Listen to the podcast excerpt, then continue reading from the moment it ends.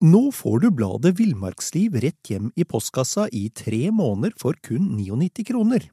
I Villmarksliv kan du lese om norsk natur, ærlige tester av klær og utstyr, og mange gode turtips skrevet av erfarne friluftsfolk, fiskere og jegere. Send SMS VILL36 til 2205 og motta bladet allerede neste uke. Lev livet villere med bladet Villmarksliv.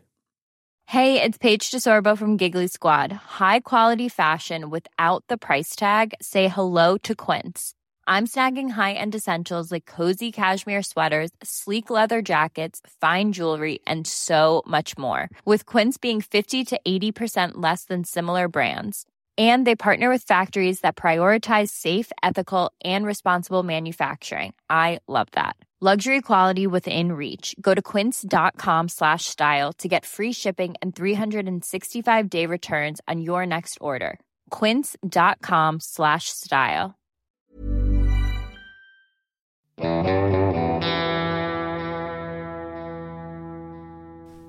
Velkommen til podkasten Villmarksliv.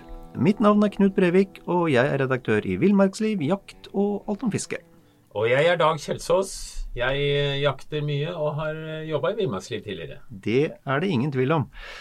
Eh, Dag, eh, nå skal vi prate om, om råbukkjakt, vi, og, og lokking. Ja.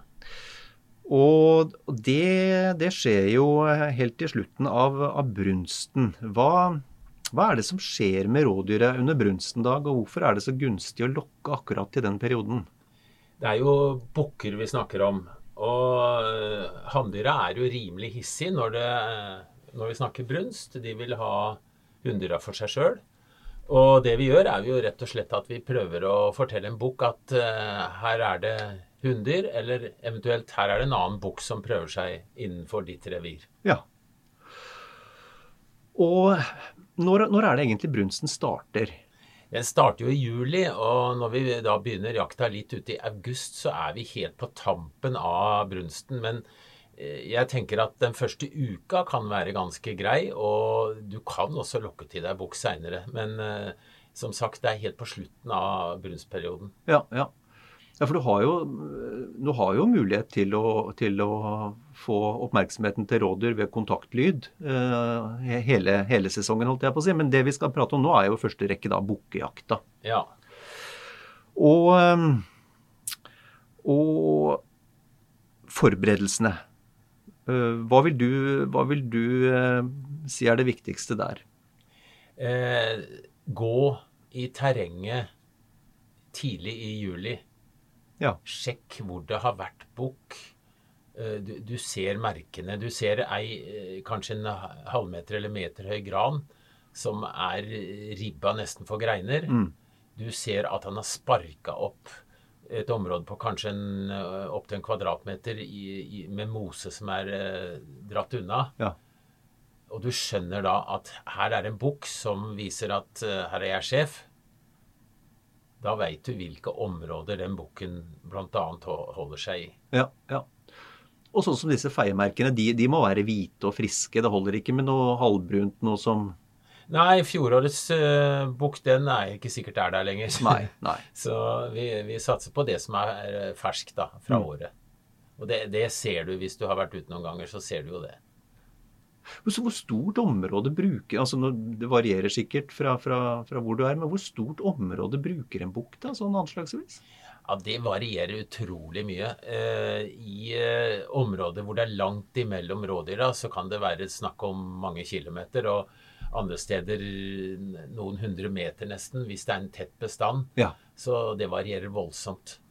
Og, og disse bukkene de, de, har området sitt, de er revirhevdende, og de passer på området. Ja, og nå snakker vi om uh, de store revirbukkene.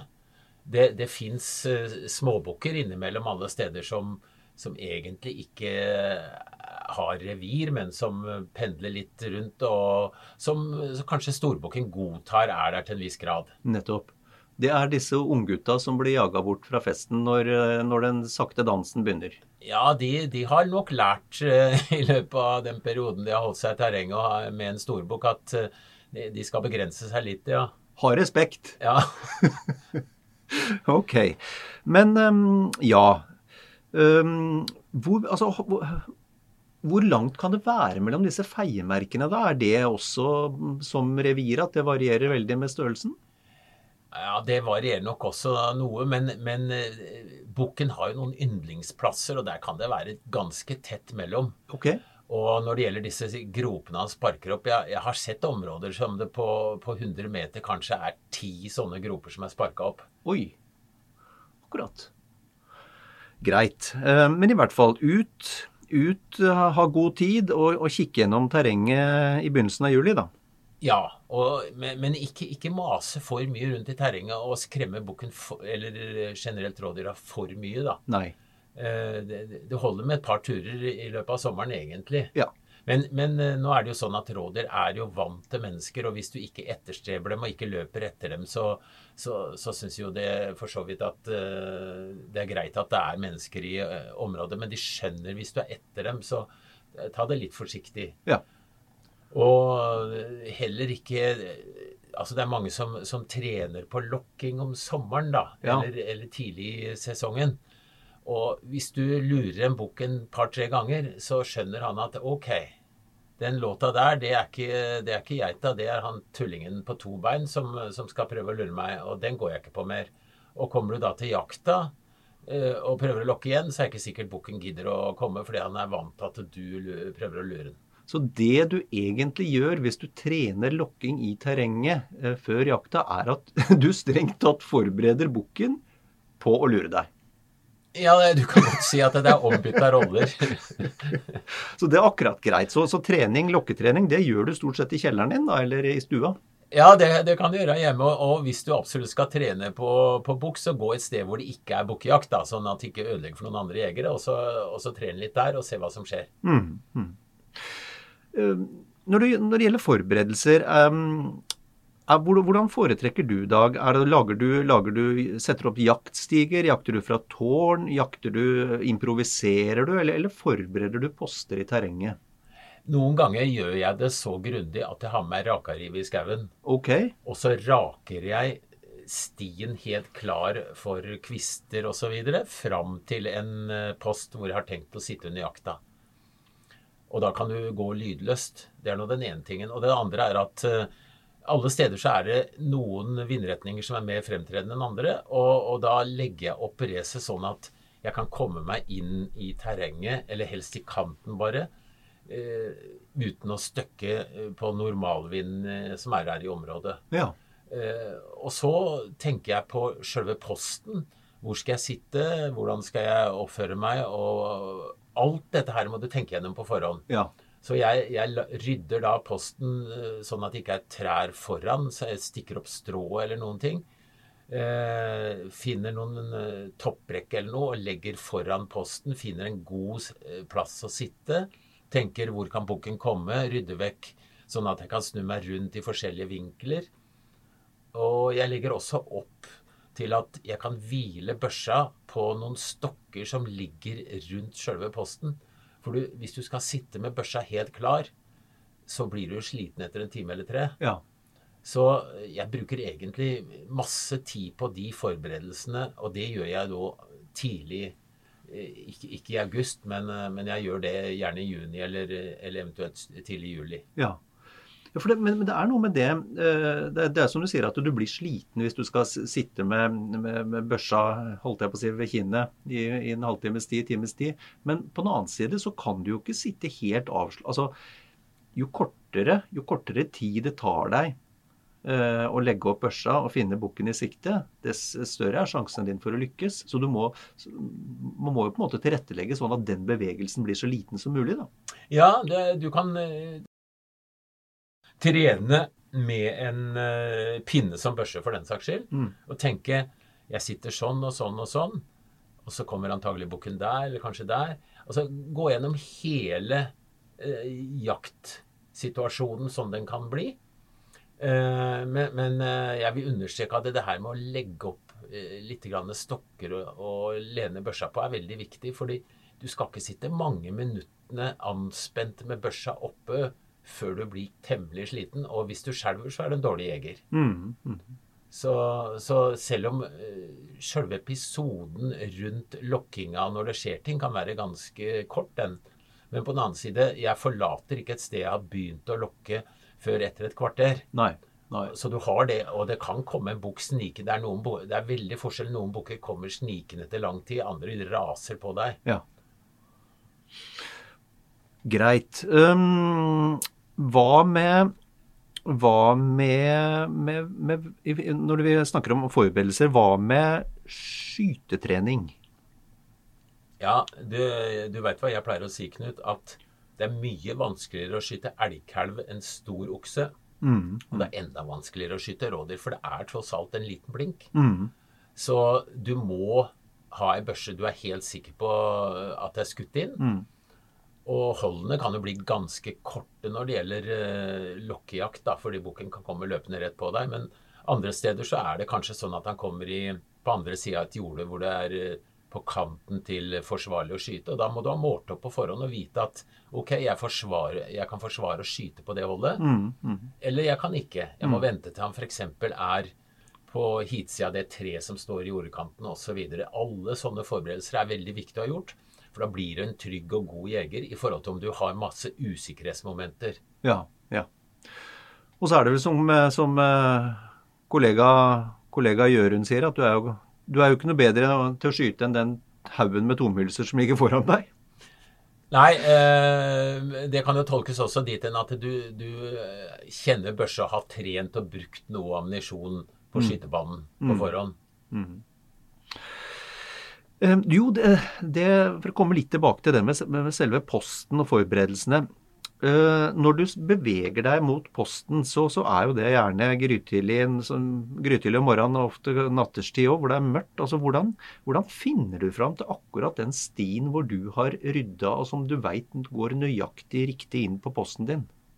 Eh, hvis jeg går inn så tidlig, så har jeg gått der før. Så jeg, jeg ja, I verste fall så kan du se mot himmelen at eh, nå har jeg den store bjørka på høyre side, stien går på venstre og sånn. Ja, ja. Men eh, det, nå skal det også sies at eh, når bukkene er i brunst, så kan du faktisk lokke den til, til, deg også midt på dagen. Men Nettopp. det er absolutt best på morgenen og på kvelden. Ja. Men eh, som vi veit, å jakte mot mørket er mye dårligere enn å jakte mot lyset. Mm, mm. Så morgenen er jo den beste tida, da. Mm, mm. Og så, er det jo et poeng med det med lokking, bare så vi har nevnt det i dag. Det er, jeg tror ikke det er noe stort problem, men, men, det er klart det er jo Du har jo da i utgangspunktet ikke lov å lokke dyr over fra, fra naboeiendommen. Og det må vel eller, eller, lokke eller jage. Men, men, det forstås jo sånn at det, det, betyr i praksis at du ikke legger posten din på grensa. Nei, du sitter ikke to meter fra nabogrensa. Det, du, har du et rådyrterreng, så vil du alltid ha så mye areal at du kan finne et sted litt inne i terrenget ditt. Ja, ja. Greit. Um, når, det gjelder, når det gjelder uh, våpen, optikk og våpen Ja, vi bruker våpen, Knut. Ja, vi, vi, gjør det, altså? vi, uh, ja, du, det er mye å lære. Jeg, jeg veit hva du tenker på. Eh, skal vi bruke 222, eller skal vi bruke 375, liksom? Ja. Eh, jeg var veldig opptatt av det da jeg var ung, og jeg prøvde alt fra det snilleste til det verste som du får skuldra ut av ledda, nesten. Ja, ja. Og konklusjonen etter noen år med jakt, det er at det er ikke så innmari nøye hva du bruker, bare du treffer der du skal. Ja, ja. Eh, jeg syns det, det, er veldig artig å være litt hysterisk rundt eh, våpen og studere kulebaner og tabeller og alt mulig, men hvis du kan det du driver med og har et uh, våpen du treffer der du skal med, så er alt i orden. Ja, ja. Forutsatt at det er lovlig våpen selvfølgelig til det viltet du jakter, da. Mm, mm.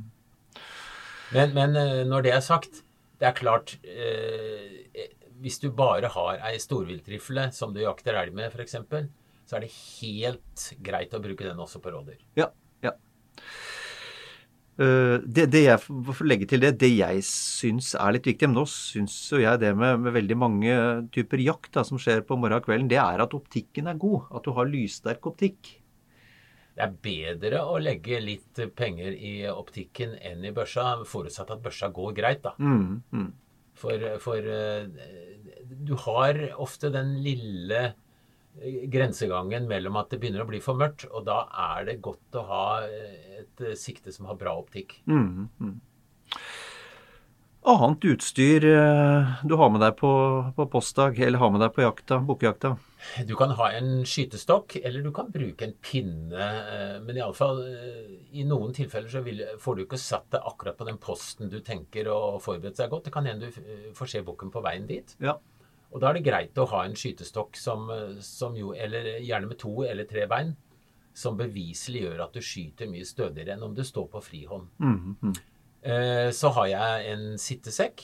Der har jeg litt eh, varme klær. I tillegg så kan den da settes opp så du sitter greit på posten. Mm.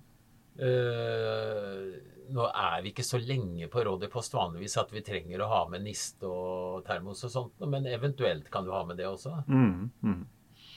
Og, og det med, det med skytestokker, da, det, eh, det trenger jo ikke å være veldig komplisert. Det er jo to, to pinner og en hyssing, så har du egentlig en godt fungerende skytestokk. Hvis du bruker en eh, stropp eller strikk hvor du setter sammen tre stokker, sånn at du kan vri dem til sida uten at det bråker for mye, mm. så er du der med en gang. Ja.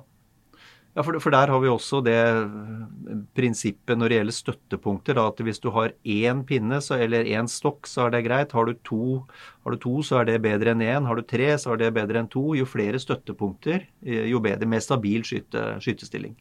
Ja, det, det aller beste jeg har hatt av sånt utstyr, det har fire bein. Ja, Og akkurat. da, da, da er det som å skyte i benk, som vi sier, på, på skytebanen. Altså med full støtte. Ja. Når du beveger deg, eh, eh, som du sier, du er på jakt hele tiden, er bukkejakt, det er ikke bare på posten det kan skje, men når du beveger deg, eh, det setter jo noe krav til bl.a. tøyet ditt og, og, og skoa. Ja, det, du har jo det kjente fenomenet at glatte klær stryker seg mot en kvist og bråker så du skremmer bukken på 400 meter, liksom, Ja. ikke sant? Ja. Myke klær ytterst, det er jo, må du nesten ha hvis du skal i alle fall bevege deg. Hvis du sitter stille, så er det greit at du har litt andre klær, men det bråker faktisk når du flytter på kroppen litt, selv på en sittestol. Mm, mm. Så mykest mulig klær. Og i eh, farger som eh, iallfall ikke skriker når du tenker på eh, forhold til bakgrunnen. Ikke, ikke, ikke for lyst og ikke for mørkt.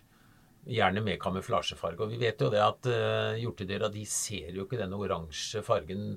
Så hvis vi har en uh, oransje kamuflasje, så sier vi også fra til andre jegere at uh, her er jeg. Mm, Samtidig som vi ikke skremmer bukken pga. fargen. mm. Hvor opptatt er du av ansiktskamuflasje? Før så klinte jeg meg inn, så jeg, så jeg måtte liksom til nesten ha meg sjøl i vaskemaskinen etterpå. Ja, ja, Men eh, jeg, jeg bruker fortsatt nett. ja. Jeg syns det er greiest, fordi å, å male seg, det, er, det kan være ålreit, men det er så svinaktig å få av igjen noen ganger. ja. For det er mye fett i en del av de eh, tingene du smører på deg hvis du kjøper sånne kamuflasjemalinger. ja. Men eh, jeg, jeg har lagd meg nett, og jeg har et lite tips, da. Eh, hvis du får tak i sånn myggnett, myk myggnettingnett, altså ikke sånn du bruker på stuevindu, men, men eh, den myke tøytypen, ja. så har jeg et par briller uten glass, limer de fast i nettet, kløpper ut akkurat da hølet hvor brilleglasset har vært Ja. i nettet, og så tar jeg på meg de brillene, og da vil jeg alltid ha eh, selv om jeg vrir på meg, så vil jeg alltid ha god sikt. Ah, smart. Og så en strikk bak nakken som holder det nettet på plass og sånn. Da, da er du rusta veldig godt. Mm, mm. Ja, fordi det, det her med kamuflasjen, det kan jo høres, kan jo høres veldig vi- vidløftig ut, men, men det vi skal være klar over, er at det, i motsetning til f.eks. hvis man posterer under et drev, hvor dyret kommer og egentlig ikke er så opptatt av deg, men det som har satt det i gang, så snakker vi nå om at vi forholder oss til dyr som veit temmelig nøyaktig hvor du sitter når du, når du lokker, og har all oppmerksomhet retta mot deg. Ja, og så må vi tenke på det at eh, under et drev av eh, Ja, det kan være rådyr eller hva som helst, så driver du ofte dyra på kanten av terrenget de kjenner. Mm, mm. Men hvis du sitter og lokker akkurat der bukken har gått rundt hele juli og forberedt seg på at han skal være sjef og ho- holde oversikt og sånn, så kjenner jo han hvert strå. Kjenner hvert tue, han. Ja. Mm. Så, så hvis du da plutselig ser et lyst ansikt som sitter og virrer i skauen som eh, bukk, og da- snur du. Ja. Så, så de som mener at det er litt overdrevet med denne kamuflasjen, så kan vi trygt si at nei, vi har ikke sett for mange krigsfilmer. Det er et poeng å, passe, og, og, kamuflere både ansikt og hender og resten av kroppen. Ja, du er, du er, ikke cowboy selv om du har kamuflert deg og ser litt ut som en, eh, en villmann i skogen. For det, det, har noe for seg. Ja, ja. Men, men Knut, vi må ikke glemme det viktigste, og det er lukt. Ah, det er selvfølgelig riktig. Ja, altså vi veit jo at uh, disse dyra de lukter jo oss på flere hundre meter ja. I, I, den vinden eh, som trekker fra deg mot dyra. Mm. Så tenk vind i alle sammenhenger, og la være å jakte den morgenen hvis du veit at vindretningen fra den posten du har tenkt å sitte på, er feil. Ja, ja. For det er, det er, bare tull å prøve. Ja. Så det er som jeg har sagt mange ganger før i dag, det fins ikke det, verken det rådyret, den elgen, som går rett på menneskelukt. Det er ikke, født, det er ikke født ennå? Nei, den er iallfall veldig, veldig syk. Så vinden, det, det, er jo din beste venn, men jeg må innrømme at jeg har tenkt mange ganger herregud, vinden er min verste fiende òg. Ja, ja. Hvordan holder du rede på vind?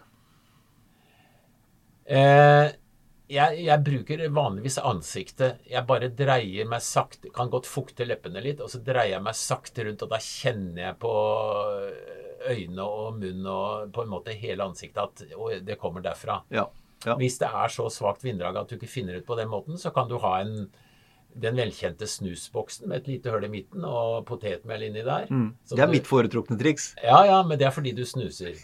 jeg gjorde det. Jeg har slutta for mange år siden. Ja, ja, det er bra. uh, ellers kan du ha med uh, dun som du slipper. Men hvis jeg ikke har noe annet, så pleier jeg å rispe masse sånne topper av strå eller noe sånt. Da, og så holder jeg hånda høyt og slipper det, og da vil du nesten alltid se eh, hvordan vinden trekker. Ja, ja. Men hvis det er så lite vind at du ikke klarer å finne ut hvor han går hen, så må du også være klar over at det, det kan hende at det er i et skifte, at du plutselig får vind fra en retning du ikke regner med. Ja, ja. Så følg med på vinden. Jeg har noen ganger gått på post med flott vind mot meg. Og plutselig etter litt tid så tenker jeg nei, men i all verden, nå kommer vind i ryggen. Ja. ja. Og da er det bare å gå. Ja. Vår, uh, vår jaktkompis uh, Einar, han, han, bruker jo en, uh, en sytråd, han. Fremst på børsepipa si eller på lyddemperen. Mm. En sytråd med fjør i. Ja, ja. Som, som, gir Han syns det fungerer greit, da. Ja, det er, det er for så vidt uh, Finn din metode, bare du tenker vind. Mm, mm. Og når vi er inne på vind, da, så må jeg jo nevne mine yndlingsposter når det gjelder å skyte bukk eller rådyr generelt. Ja. Og det knuter jeg høyt over huet ditt. Se det. Oppi et tre. Ja. Eh, jeg har ikke ramla ned eh, enda, men hvis jeg skulle dø ved å ramle ned fra en rådyrpost, så er det for, Det må være en grei måte å knekke nakken på. Syns på en måte det er en verdig slutt. Ja, jeg ja. tenker det. men, men, det er men, ikke behagelig å sitte opp, for jeg har også prøvd det, Dag. Jo, å det, sitte du, på disse greinene. Du setter deg ikke rett oppi Du klatrer ikke opp i ei gran uten å ha forberedt deg. Nei. Jeg eh, binder da noen stokker imellom to trær. Ja. Eh, jeg kvister litt sånn at det er greit å klatre fort opp. Jeg klatrer opp og ned noen ganger, sånn at jeg veit ikke bråker. Jeg sliter av det som bråker. Ja. Og så har jeg hogd vekk litt bar der oppe, sånn at jeg har utsyn og skytemuligheter. Ja. Eh, så jeg, jeg, kan godt bruke en dag på å forberede akkurat den posten. Mm -hmm. Men det er altså så gøy når du sitter der, fordi bukken får ikke luft av deg, vet du. Jeg har hatt, husker en gang jeg satt og lokka. Og det skjedde ikke noe. Og så lot jeg det gå kanskje fem-ti minutter og tenkte nei, nå klatrer jeg ned. Og da jeg klatra ned, så plutselig så raser bukken av gårde. Da sto han inntil grana jeg satt oppi. Nei! Eh, en ordentlig luring. Typisk sånne bukker som kommer snikende forsiktig litt skrått bakfra. Men det hadde ikke fått være meg, for jeg satt jo oppi grana, og da trekker jo eh, lufta av deg og, med varmen oppover og ikke ikke nedover, i hvert fall. Mm, mm. Så, så, det er en veldig fin måte å, å, å komme seg i Å sitte uten å bli merka av bukken, da. Ja, ja. Og, og, det er jo strengt tatt litt det samme man gjør hvis man setter opp en jaktstige òg, da. En uh, litt høy jaktstige ja, med et sete. Du, du, kommer deg opp, så du får på en måte Ja, du tar fra bukken den fordelen med nesa, fordi, fordi du vil aldri værsette den. Nei, du får jo kjøpt uh, til en brukbar pris uh, faktisk hele systemet som du bare setter inntil et tre. da. Ja, ja. Smart. Ålreit. Uh, vi, vi, må snakke litt om det her med skotøy. Altså, um, det er noen som sverger til å gå med, med, med, joggesko fordi de da føler at de har bedre kontakt med underlaget. Det er noen som går med, med jaktstøvler med, tykke sokker over. Um, men poenget er uansett at vi skal bevege oss forholdsvis lydløst, da. Ja, det, du må ikke lage lyd når du går til posten din, fordi eh, bukken kan stå bare 100 meter unna den. Ja, ja. Og da kan det godt hende, hvis det er tørt og fint, så kan det godt gå i sokkelesten. Ja. Eh, det lager minst lyd, og det som lager mest lyd, er jo tunge fjellstøvler med stive såler. Ikke sant? Så, mm. så, men gummistøvler er jo litt midt imellom, kan du si, hvis de er myke. Ja, ja.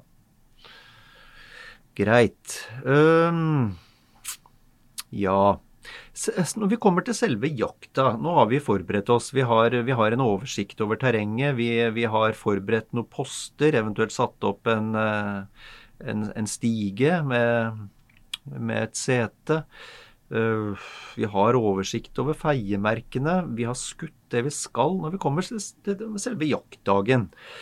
Hvordan, eh, hvordan vær Vind har vi snakka litt om, men hvordan vær foretrekker du? Eh, jeg vil ikke ha kraftig vind. Nei, For det liker ikke hjorteviltet? Nei, de, de, da er de usikre. Fordi det, det, knaser litt i greiner og trær som gnikker seg inntil hverandre osv. Mm. Så forholdsvis rolig vær er en fordel. Ja. Ja, Mitt inntrykk er at rådyr er litt sånn værsjukt òg. Sånn at hvis det er veldig, veldig til regnvær, så er, så, så er de ikke så interessert i å røre på seg. Nei, det, det, det gjelder nesten bestandig. Men akkurat i Hvis bukken er i brunst, så er den nok ute og farter nesten uansett. Men, men de blir roligere hvis det er, de blir trykket ned av lavtrykket, liksom. Mm, mm. Når er du vanligvis ute? Du nevnte jo i stad at eh, i, i, i, brunsten så kan jo bukken, eh, bukken være ute hele dagen. Men når er du vanligvis ute, da? Jeg vil ikke gå ut når det er så mørkt at jeg ikke ser hvor jeg trår. Jeg venter til det er såpass lyst at jeg klarer å komme meg på post øh, og, og, kan eventuelt se også dyr som, som befinner seg i litt åpne områder når jeg er på vei. Ja. Når du, når du nå er kommet på posten.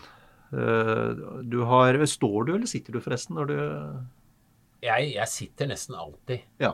ja. Fordi det gir deg bedre stabilitet ja, det, når du skal skyte? Det, det jeg, selvfølgelig så skyter du bedre i en lav stilling enn en høy. Ja. Og jeg har forberedt, vanligvis i hvert fall, så har jeg forberedt meg såpass at jeg har en god post på en liten kolle eller et sted hvor jeg har oversikt og hvor jeg har forberedt meg. Så der er det akkurat fint å sette sittesekken. Mm. Og så er jeg der i ja, i hvert fall fem, kanskje ti minutter før jeg begynner å lokke. Å oh ja, for å la terrenget sette seg rundt Ja, det kan jo være at uh, bukken har hørt noe og er litt grann usikker, så la det roe seg litt. Nå får du bladet Villmarksliv rett hjem i postkassa i tre måneder for kun 99 kroner. I Villmarksliv kan du lese om norsk natur, ærlige tester av klær og utstyr, og mange gode turtips skrevet av erfarne friluftsfolk, fiskere og jegere. Send SMS VILL36 til 2205 og motta bladet allerede neste uke. Lev livet villere med bladet Villmarksliv. Imagine the softest sheets you've ever felt. Now imagine them getting even softer over time. That's what you'll feel with Bowl and Branch's organic cotton sheets. In a recent customer survey, 96% replied that Bowl and Branch sheets get softer with every wash. Start getting your best night's sleep in these sheets that get softer and softer for years to come. Try their sheets with a 30-night guarantee. Plus, get 15% off your first order at bowlandbranch.com. Code BUTTERY. Exclusions apply. See site for details. Og så, så, kan man begynne å lokke. Ja, og øh, kan du, kan du, vise, eller holdt jeg på å si, hva slags lokkelyd er det du da Hva slags fløyte bruker du, eller bruker du Og, og hva, hvordan lyd er det du bruker? Ja, du, du, har to alternativer, eller du har mange, men, men det ene er å lokke øh, på en måte som eh, kanskje får bukken til å tro at det er rådyr som lokker på ei geit som lokker på killingene. Mm. Og, og det er en sånn pipelyd. Det var ei type fløyte. Det var en annen. Ja. Men, men det er en sånn pipelyd. Og du, eh, du kan også lage den med stemmen hvis du trener litt. ja. Eh, Hvor, hvor, hvor, altså, bare for å ta det. Ja, lager du én lokkelyd? Lager du to? Lager du flere? Nei, jeg lager flere. Altså, jeg har noen ganger sett hvordan eh, et rådyrlam eh, roper på mor hvis, hvis lammet er usikkert. Og, det- og det er mange gjentatte sånne pipelyder. Ok. Eh, Så du kan godt gjenta de tre-fire ganger. Vente litt. Ja, når du sier vente litt, hvor mye venter du da? Ja, noen minutter. Ja. Det, det må ikke være systematisk akkurat fire og et halvt minutt. Nei, Men, nei. men eh, du venter noen minutter. Bare for at vi har men, en idé. eh, Ja. men du kan godt gjenta det med bare et minutts eh, mellomrom i en liten periode. Ja. Men ikke, ikke nimase hele tida, for all overdrivelse er av det onde. Og en annen ting er at hvis du lokker så, så bukken har hørt det, kan det hende han begynner å gå mot deg med en gang. Hvis du da sitter og nilokker, så klarer han med øra å fastslå nesten på kvadratmeteren hvor du er. Du hjelper han til å vite Ja. nøyaktig hvor du er. Det beste Mm. er at han er litt usikker. Nettopp. Eh, Men det er da den ene måten å lokke på, som du også kan bruke ellers i sesongen, ikke bare under eh, bukkejakta. Ja. Men, men det brutale, det er jo å lokke som eh, ei geit låter hvis du blir stressa av en bukk. Det kan være En innpåsliten bukk. Altså, Hvis vi tenker oss at det er, eh, går litt rundt oppi huet på en bukk, Ja. så hører han geita si Nei, nei, hold deg unna! Nei, Ja. du plager meg! Ja. Og hvem er det som gjør det? Jo, det er nabobukken som har kommet på besøk, og som prøver seg litt. Ah. Og er det noe som gjør eh, alt fra gutter til bukker eh, irriterte, så er Ja. det hvis noen prøver seg på dama. Ikke sant? Dette Og kan vi da alt om. Og du kan Og da eh, kommer geita med en lyd som er eh, veldig spesiell, for du har den derre pipelyden først. Okay. Og så etterpå så er det nærmest et vræl. Ah. Den derre siste greia der. Den såkalte hetslyden. Ja. Og det er mange som lokker bare med den, og intenst og lenge. Ja.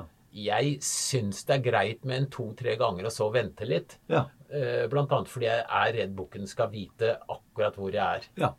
Men i alle fall, eh, du kan eh, lage sånne lyder, eh, vente fem minutter og lage det igjen. Ja.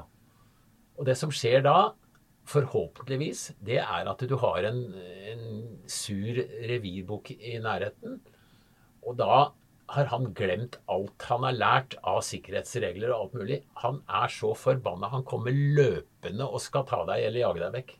Han er sjalu, rett og slett. Ja, ja, altså jeg Én bukk eh, jeg har skutt en gang, den glemmer jeg aldri. For han, altså, han tok av nesten før jeg hadde begynt, holdt jeg på å si. Ja, Etter vel. første så hørte jeg det knasa. Okay. Og det hørtes ut som en bulldoser som for gjennom skauen. Jeg kunne aldri tenke at det var en råbukk som tross alt ikke veier så mange kilo. Nei. Han bråka iallfall som en elg. Og han kom mot meg og stoppa på 15 meter og sto med beina i bakken og kikka olmt rundt seg. Og jeg sto selvfølgelig, eller jeg satt med børsa pekende i en helt annen retning. Ja. Og jeg turte ikke å blunke engang. Jeg satt dønn rolig, og han kikka og kikka kikka og så ingenting som eh, så eh, nifst eller farlig ut. Og heldigvis så stakk han da tilbake 50 meter for å se om det var der det skjedde. Ah. Da fikk jeg områdd meg, fikk opp børsa i den retningen han kom fra, og så gjorde jeg én lokking til, og ja, da smalt det like etterpå. Akkurat. Ja. Men de kommer altså noen ganger i rasende fart. Og det er noe av det mest spennende du kan oppleve av jakt, uansett hva du driver med. Ja, ja for da er, de, da er de virkelig rasende, altså. Ja, ja, de er ute, ute for å ta deg. Ja.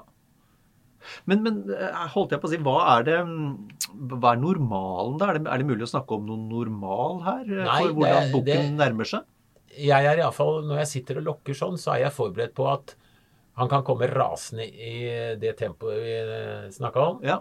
Eller han er en sleiping som er litt usikker. Kanskje er jeg litt for dårlig i lokkelyden. Det er et eller annet som gjør at han vil sjekke ordentlig. Kanskje han vil hørte en lyd tidligere? ja, på eller han vil ha lukta av geita. Ja. For det er jo Dyra bruker jo eh, lukt i, i sine måter å leve på. Mm. Så han går kanskje en ring rundt deg og prøver å komme bak deg for å kjenne på vinden hvordan, eh, hvordan det lukter av deg. ja. Og derfor så bør denne posten du har lagd være f.eks. i kanten av et jorde, og hvis det da blåser fra skauen mot jordet, så går den ikke ut på åpne jordet, og da har du lurt den til å gå inn fra sida uten at han får lyd av deg. Hvis du sitter på et sted med mye kratt og skau bak deg, så vil han sannsynligvis gå inn der, og du hører ingenting, men han har bare stikket av. Ja. For han, han lager ikke varsellåt hvis han kjenner av lukta til mennesket. Det gjør han bare hvis han er usikker på noe. Da tenker han bare inni seg 'gotcha', Ja, og så forsvinner han. den dumme jegeren. Nei, for akkurat, akkurat bukker som, som, som litt usikre bukker som vinkler bak deg, det har redda mange, mange rådyrliv. Ja, jeg tror det er eh, mange flere enn vi stort sett er klar over òg, for vi, vi hører jo ingenting. Nei, nei. For får de lukt av deg, så da vet de hva det er. Da trenger ikke de å fly rundt og brøle og si at eh, jeg er litt usikker på hva det er, men jeg veit nok at du er i nærheten et eller annet. Ja, ja. Han tenker med en gang menneske, farlig, jeg stikker. Ja, og i sånne situasjoner så kommer vi tilbake til, til postforberedelsene, egentlig. Hvis du har gjort en solid jobb der, og enten har, sitter oppi et tre, eller du har plassert posten din på en sånn måte at du, du tvinger på en måte bukken til å bevege seg inn i en skuddsituasjon, så har du gjort jobben din, og da får du betalt. Ja, eh, hvis du har et vann, et sletthøgg eller eh, et jorde bak deg, Ja.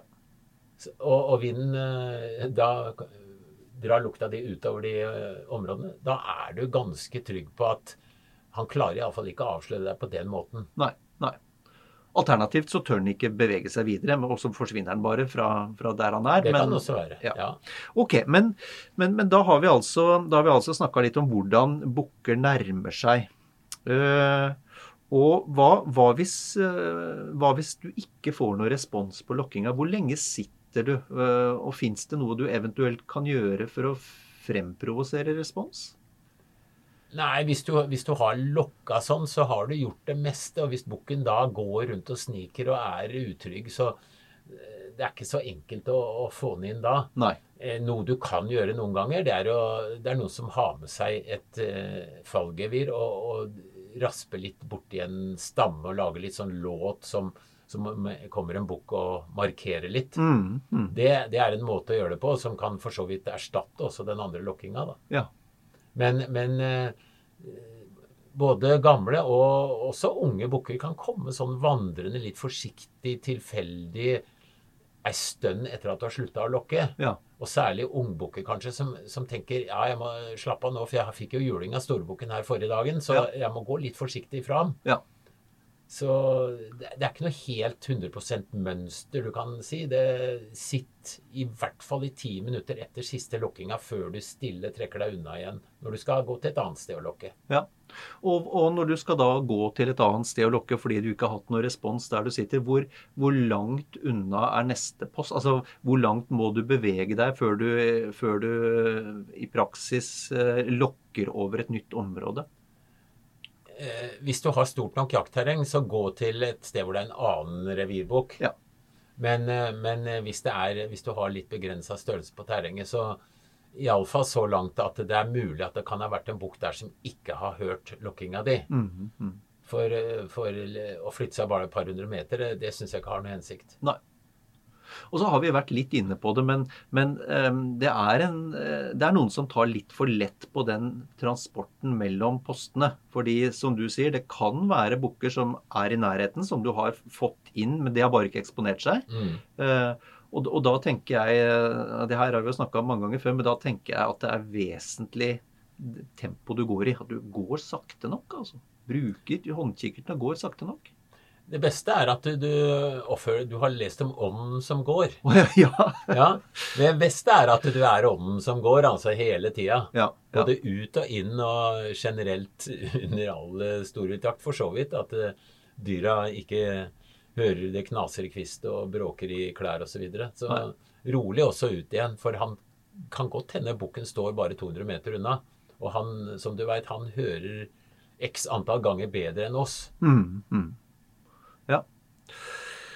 Um, bra. Vi, vi, må litt tilbake til det her um, Hvis du nå har lokka bukk inn på, på skuddhold, uh, vi, må litt, uh, vi må litt inn på det selve skuddet òg i dag. Um, vi har jo snakka om det her med å legge opp stokker sånn at, uh, og eventuelt hvile børsa på, sånn at du har en kort bevegelse opp til kinnet og, og i skuddklar posisjon. hva med hva med avstander? Vi har, altså, som vi har vært inne på, rådyret er et, er et forholdsvis lite mål. Det er en tiendedel så stort som en elg. Ja, eh, jeg, jeg syns det er litt dumt å si at eh, maks avstand er f.eks. 100 meter. Mm. For eh, maks avstand for jeger A kan være 50 meter. Mm. Maks avstand for jeger B kan være 125 meter. Ikke sant? Men de som har skutt inn nøyaktig på bane, er gode til å skyte, har bra børse, og som skyter på 300 meter, de bryter etter min mening loven. Ja, ja. Et rådyr er et lite mål, og det finnes kanskje noen strå på veien som du ikke ser, eller kan være vind i den dalen der borte som du heller ikke har kontroll på. Mm. Og, så, så, jeg mener at uh, man skal kjenne seg sjøl og børsa og, og, vite hva som er sikkert i det tilfellet. Og det kan også gå på det her med skjelving. Det er noen som får dyreskjelven. Ja. Det kan være uforsvarlig å skyte på 50 meter hvis du skjelver som en julegris. Ja, ja. Så, så, rett og slett ha en følelse for er det riktig å skyte, eller er det ikke. Ja. Og det får du nok ikke som førstegangsjeger første gang på jakt. Nei. Men da har du gjerne med deg en som er erfaren, som holder øye med hvordan du oppfører deg, hvor langt det er osv. Og, så videre, og ja. da får du noen gode råd i starten, og så vil du etter hvert erfare hva som er greit. Men, men avstandsmåler, eller eventuelt tidligere ha skritta opp avstandene fra de postene eller det, den ruta du går, det er veldig nyttig. Mm, mm. For det er, selv om du har holdt på et helt liv med jakt og avstandsbedømming, du blir av og til lurt. Hvis det er tåke, ja. hvis det er en dal som er litt uoversiktlig, osv. Mm. Det er ikke gitt at du klarer å bedømme dette her. Har du avstandsmåler, så vil du selvfølgelig løse det her veldig bra. Ja, ja. Og litt med det her med vinkel på dyret. Jo rett, altså hvis Det står, det aller beste er naturligvis hvis det steller seg til på 25 meter med breisida til. Det er ikke alltid det skjer. Men, men, det må være litt bevisst på vinkelen på dyret, tenker jeg. Ja, det, det, det er noen som eh, mener at hvis du har eh, storviltrifle, så er det samme hvor du treffer rådyret, for det dauer med uh, uansett. Og det er helt totalt forkastelig. Du skal treffe i lunge-hjerteregionen. Og det er et mål da som er forholdsvis lite. Så, mm. Og det treffer du ikke hvis du ikke har dyret fra sida. Mm. Nesten alltid når du tror det står rett med sida til, så er det litt skrått allikevel. Mm. Så hvis du, hvis du, har ordentlig eh, skrått skudd, så vil du dessuten ødelegge så mye av eh, viltet med vomskyting på vei ut eller inn med kula, og treffer kanskje i låret på veien ut. og Det, det er ikke verken moro eller forsvarlig. Nei. Og så er det et eller annet med det som Ja, vi det har vi jo snakka også om før, da, men, men, det er klart at det at du ser en bukk under bukkejakt, er ikke nødvendigvis ensbetydende med at du må skyte. Altså, det, det at du ser dyr Du er ikke nødt til å skyte hver gang du ser dyr. Det kan hende du skal se et dyr ti ganger før du får skyte. Vi har vel begge, Knut, eh, veldig mange ganger latt være å skyte. Og det går an etterpå å tenke jeg hadde nok fått den hvis jeg hadde skutt. Men det er ikke, altså vi overlever uten å ha skutt den bukken. Mm, mm. Og så kan vi heller få en spennende jakttur neste gang. Mm. Så holde seg litt rolig i forhold til å ta sjanser, det, det syns jeg alle må prøve. Det, det, er ikke noe moro den dagen du skarskyter og har et sabla ettersøk. Nei. nei. Greit. Um, skal vi eh, Nå, nå har vi snakka litt om hvor vesentlig er det her med, med, med forberedelsen. Vi har snakka om plassering av, uh, plassering av, posten. Vi har snakka litt om vær og vind og oppførselen til bukken. Skal vi rett og slett um, avslutte dag med å, å vise, holdt jeg på å si, eller, eller ta de, de, to lokkelydene du, du viste tidligere her i dag? Ja, du har den, skal vi kalle det generelle lokkinga. Ja.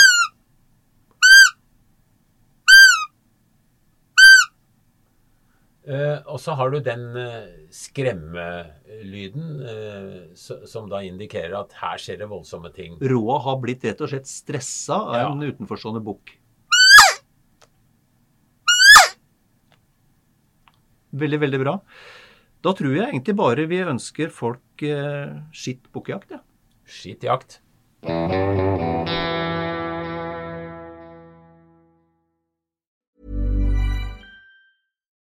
Nå får du bladet Villmarksliv rett hjem i postkassa i tre måneder for kun 99 kroner. I Villmarksliv kan du lese om norsk natur, ærlige tester av klær og utstyr, og mange gode turtips skrevet av erfarne friluftsfolk, fiskere og jegere. Send SMS VILL36 til 2205 og motta bladet allerede neste uke. Lev livet villere med bladet Villmarksliv. Planning for your next trip? Elevate your travel style with Quince. Quince has all the jet setting essentials you'll want for your next getaway, like European linen, premium luggage options, buttery soft Italian leather bags, and so much more. And it's all priced at 50 to 80% less than similar brands. Plus, Quince only works with factories that use safe and ethical manufacturing practices. Pack your bags with high-quality essentials you'll be wearing for vacations to come with Quince. Go to quince.com slash trip for free shipping and 365-day returns. Even when we're on a budget, we still deserve nice things. Quince is a place to scoop up stunning high-end goods for 50 to 80% less than similar brands. They have buttery soft cashmere sweaters starting at $50, luxurious Italian leather bags, and so much more. Plus, Quince only works with factories that use safe, ethical, and responsible manufacturing.